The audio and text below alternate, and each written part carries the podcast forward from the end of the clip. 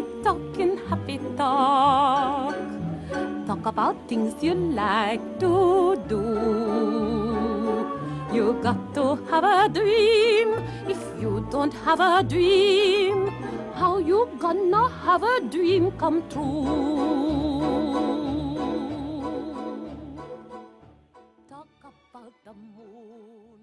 Komið sæl og velkomin í Ræktaðu gardiðin.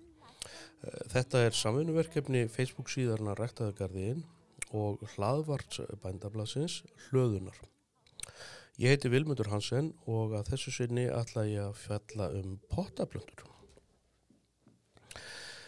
Þannig er það með pottaplöndur að þær koma víða að úr heiminum en flestar af þeim eru sóttar til hitabeltisins eða heitempruðu veðufarsvæðana. Það er svona kringum og, og, og, og fyrstu gráðurnar frá miðbaug og svo náttúrulega eru sömur sem sagt eru sóttar upp í hátt upp í fjöll hitabeltisins og það sem veður er svolítið svalara. Algengustu tegu- tegundir pottaplantna eru burknar og dregatré, jökur, fíkjutré, ímiskonar blaðjurtir, hingi og klifurjurtir. Margar plöntur og ananasætt eru hérna pottaplöntur eins og brómiljur, svo náttúrulega kaktusar og þykkblöðungar. Svo má rækta kryddjurtir sem hérna pottaplöntur, svo eru pálmar og bergléttur og brönugrös og mjölkurjurtir og ímiskonar aldinplöntur, sítrusar og, og jafnvel hægt að rækta epli innadýra. En ræktun pottaplantna, hún nær eiginlega bara eins langt aftur og, og, og sagan er skráð.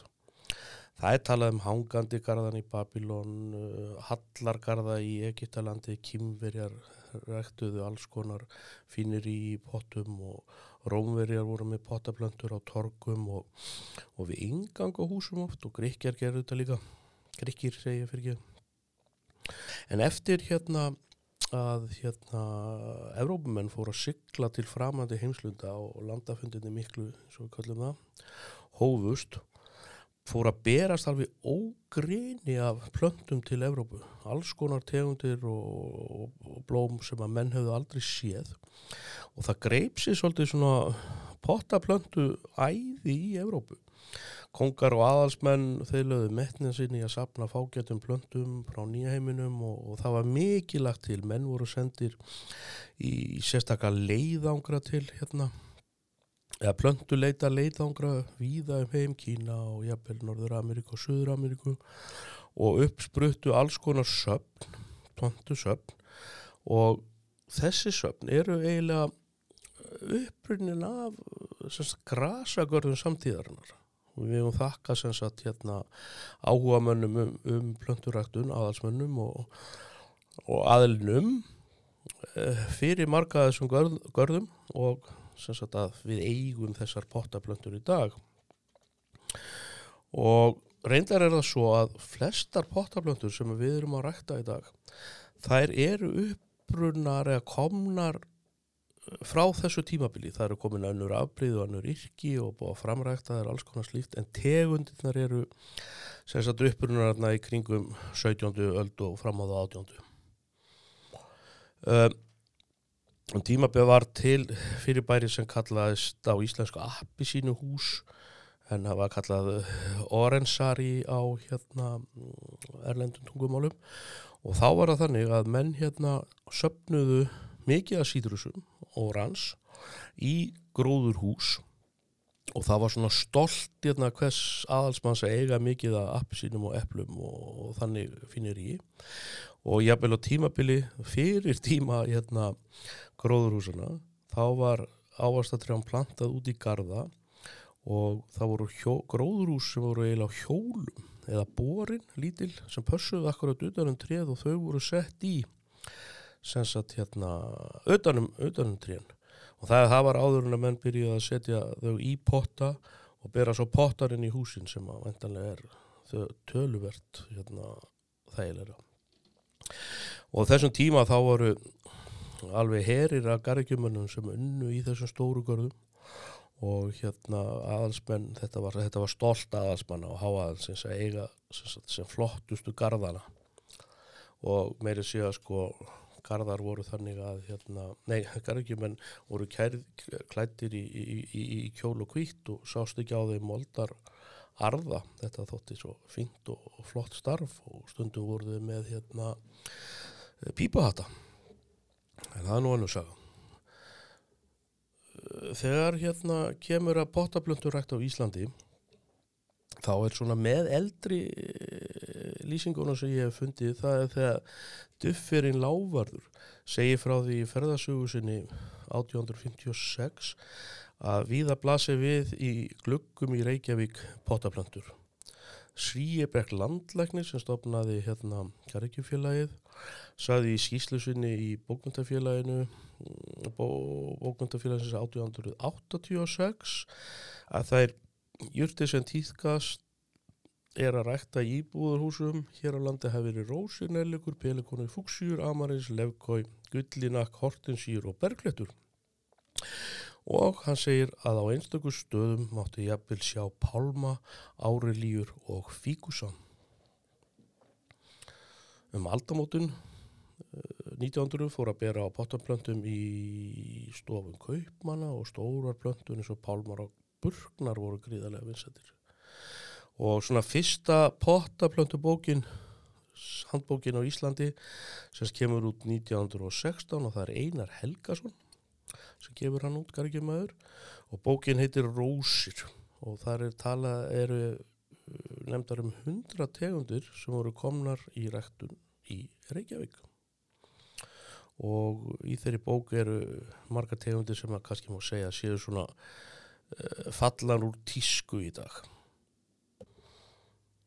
Í stað fyrir, staðin fyrir þessar plöntur sem fallar á tísku þá er einsar aðra tegundur komnar inn í, í staðin í dag og, og það er svona nokkra tegundir sem eru klassískar. Við erum með monstur og fíkusa og somakól og kaktusa og asparagus minni mig, hvað hann heiti uh, svo eru burknar og eitt og annað. Þetta er allt mjög, þetta er svipar, svip, allt mjög svipaða tegundir en kannski ekki alltaf, eins og ég sagði á sömu yrkinu. En eitthvað þurfum við nú að gera til að halda þessum pátaplöntun lifandi og til þess að þær þrýfist vel innan dýra þá eru nokkur atriði sem við þurfum að hafa í huga. Það er ílát, það er jarfiður, það er byrtustíg, það er hitastíg og loftræki, skiptir miklu máli, vögun, ábyrður, sjúkdómar og myndir. Þetta eru svona helstu þættir sem við þurfum að hafa og gilda svona meira og minna fyrir allar pátaplöntur. Í raun og rétti er uh, hægt að uh, rækta pottablöndur raun í hvaða íláti sem er og hvort sem það eru standbottar eða hengibottar eða eitthvað skonar annars, annars konar bottar. Það sem mestumáli skiptir eða er að það sé gott frárensli í bottunum og að það ræturnar standi ekki í vatni og rót, þá, því að þá rótnaðir og þetta á, alls, þetta á viðum allar pottablöndur. Standi pottur uh, plöntur lengi í sama potti þá verður moldin þreytt og með tímanu verður potturinn alltaf lítill og það sé ávið að moldin verður þreytt er það að er, það er ekki lengur neina næringarefni í henni og hún er bara, hún er bara búinn. Uh, það er ekki til neinn svona alls er að kenningum hver, hverna er á að umbotta fyrir utan að best er að gera slíkt á vorin þegar sólinn fyrir að hækka á lofti og það er svona tveggja til þyrkjar á fresti það held ég að láta næri sko, í flestum tilfellum. Uh, rætu og sérst ekki munur á hérna uh, stundur að hvort það sé eitthvað munur á leir og plastpotum. Uh, með leirblóta þá þarf eiginlega að láta það að liggja í vatni í sólaring það ætla að losna við svona óæskileg söld úr þeim. Og uh, leirblótar eru skemmtilegir og þungir og stöðir og fínir sko. En gallin við þá er að það ræturnar eiga jafnvel til í að vaksa inn í leirin. Og þá getum við að skemmta þér þegar kemur að því að umpotta. Þannig að plastpotar eru ágætir sko og svo aftur á móti þegar kemur að jarvegi og mold þá eru sumaplöntur þannig að það eru virðast bara þrýfast í nánast hvaða jarvegi sem er. En aðrar þurfa svona uh, öðruvísi jarvegsplöndu kaktusum til dæmis og þykluangar þeir kjósa freka þurran jarfið með talsverða sandi. Orkidegur þurfa vilja helst engan jarfi og bara vaksa í þrjábergi en í langflestum langflestum tilfellum dugar bara svona hefbundin hérna botamold en það er ekki gott til dæmis að taka mold utan á gardi og nota hana því að í henni geta reynst alls konar leðindar skortýr og, og hérna og hérna og, og, og hún er oft ekki næringarík síðan er það annað að alla plöntur þurfa byrtu til að geta vaksi og dafnað og ljóst til lifað og fært okkur súrefni og allt það. Og sömur þurfa sömur þeirra þurfa talsveit mikla byrtu en aðrar þrýfast best í hálskugga og það má segja að sé svona uh, regla að blómstrandi plöntur sem fá ekki næga byrtu fá oft gul blöð vakstabrótarnir verða langir og mjóir og blómin litlaus blómstrandi plöntur þurfa mikla byrtu en ekki beina sól og ætti því að standa í gluggum sem snúa í austur og vestur Gluggar sem snúa í sögur henda langt best fyrir kaktusa og þykkblöðunga.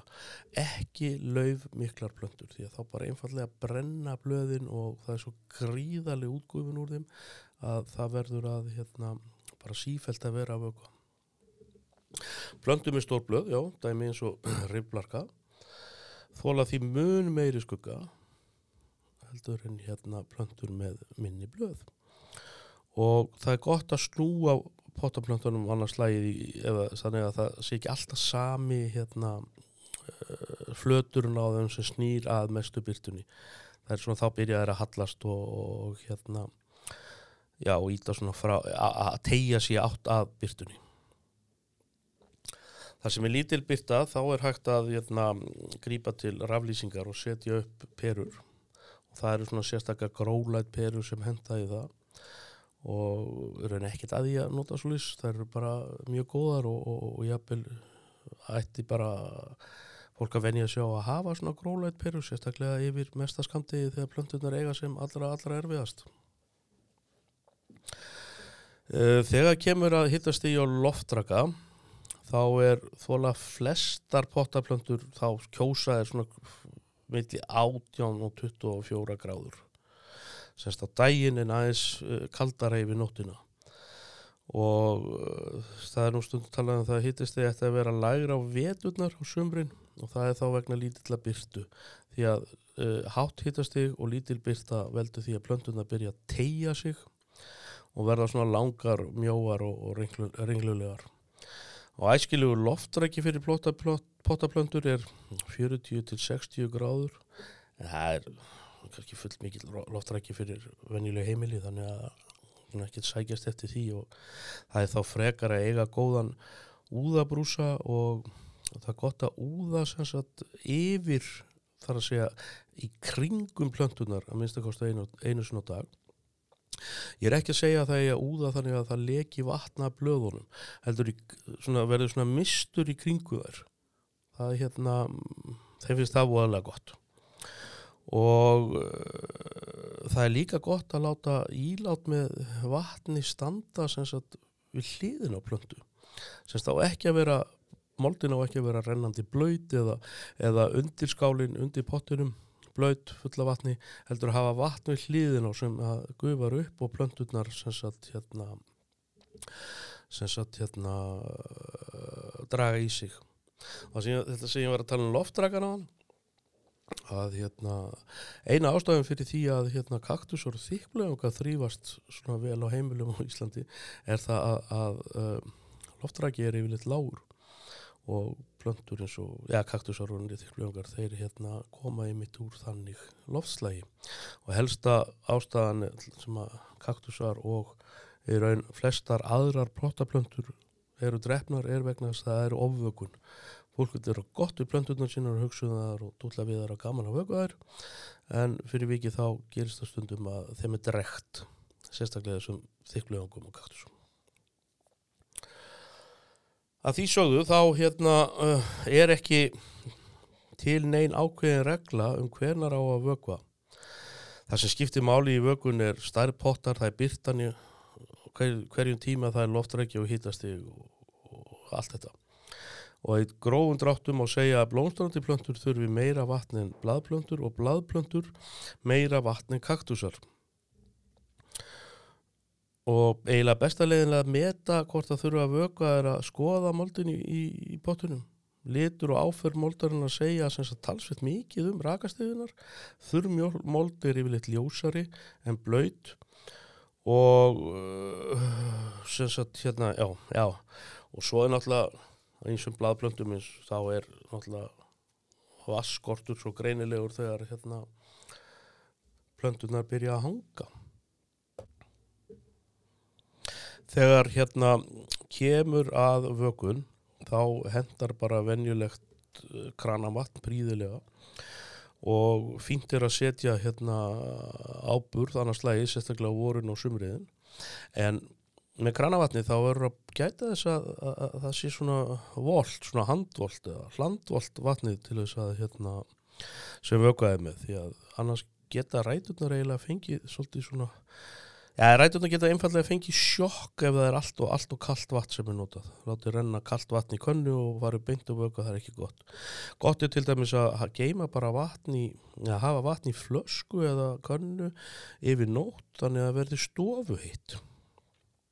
Það er svona passar ágætlega. Og eins og ég saði að það er ágætt að fara að gefa ábur svona uh, mars hún var ekki að halva skamt alltaf að byrja með annar þriða hverju viku. En auka svo hérna ábúrðaskamtir meðan hérna vöxturni sem mestur og hérna draga svo aftur úr þegar það fer að líða husti henduðustu kannurnar eru svona með freka mjóum stút svo sullist ekki allt út um allt og ef það setur mikið vatn eftir í hérna undir pottunum eða undir skálinni eftir vökun þá þarf að hella því úr því að það þýðir bara einfallega að það er ómikið vatn í pottunum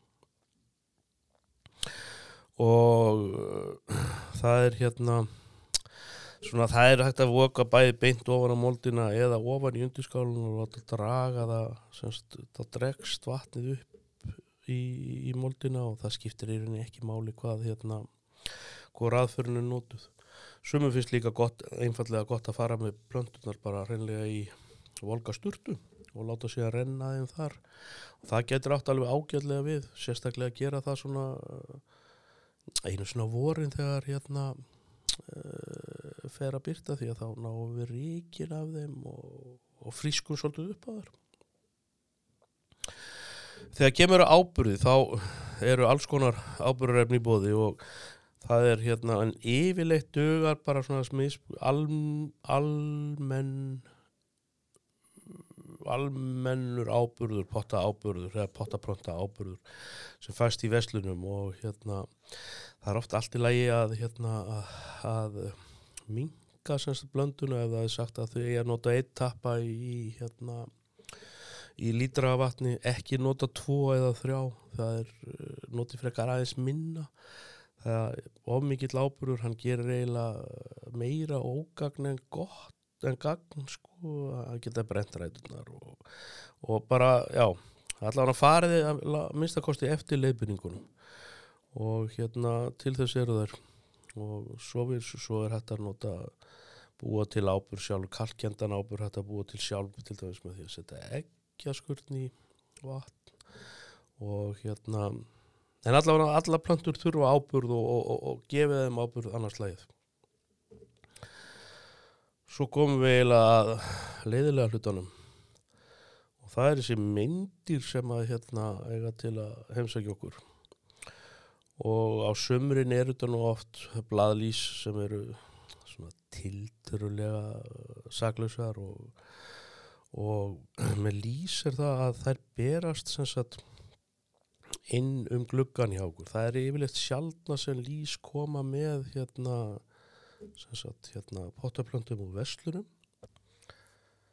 og yfirleitt er lítið mál að losna við blaðlýs. Skjaldlús eða öllalús er þetta náttúrulega leðilegt kvikindi. Það myndar svona kvítar klessur á, á blöðunum sem eru svona klístur kendið að komi við. En það má ná ekki ruggla þeim svo heldur sama við ábyrður eða kalkútvellingar sem getur stundu verið á blöðum því miður er það svo að, hérna, að ef við fáum mikið að kveikindum á plönturnar okkar og þá getur oft verið talsvert vesen að hérna, losna við þau eða þau eru annar bort komin sko. það eru til margskonar húsráð eins og skólaplönturnar på volku vatni og úða er með sápublöndu eða hérna, eitthvað annað, ég vil týna lísnar af eða blöndurnar af sko. Uh, ein aðferðin er svo að hérna, úða þær með hérna, já, sápublöndu. Og þá er talað um 0,8 lítra vatni 0,1 lítra sótavatni 0,1 lítra græni að brúnsop og sápan er semst leist upp í vatninu og síðan er semst úðað yfir plöntunar og þetta veldur því að sápan sko leggst utan á skél skortýruna og þau eru enn kapna, þau anda með húðinni og þau get ekki andað í gegnum hérna sápuskilina svo er náttúrulega þetta að fá hérna ykkur eiturefni eða úðunrefni í, í, í veslunum en maður reynir náttúrulega í lengstu lög að komast hjá því að nota þetta. Þetta eru náttúrulega, þetta eru náttúrulega eiturefni og, og, og, bera umgangastu sem slík og þau eru náttúrulega ekki skadlus.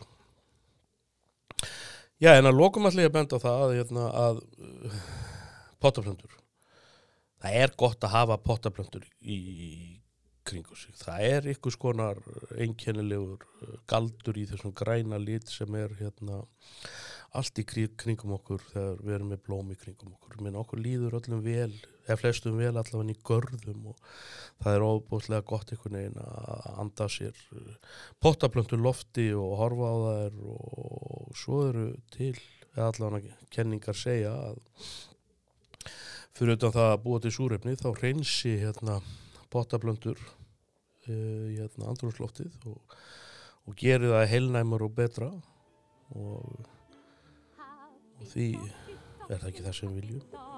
Það var heilnæmt og gott loft í kringum okkur. Gangi ykkur vel. You got to have a dream If you don't have a dream How you gonna have a dream come true Talk about the moon floating in the sky, looking like a lily on a lake. Talk about a bird learning how to fly, making all the music he can make. Happy talk, keep talking happy talk. Talk about things you like have a dream. If you don't have a dream, how you gonna have a dream come true?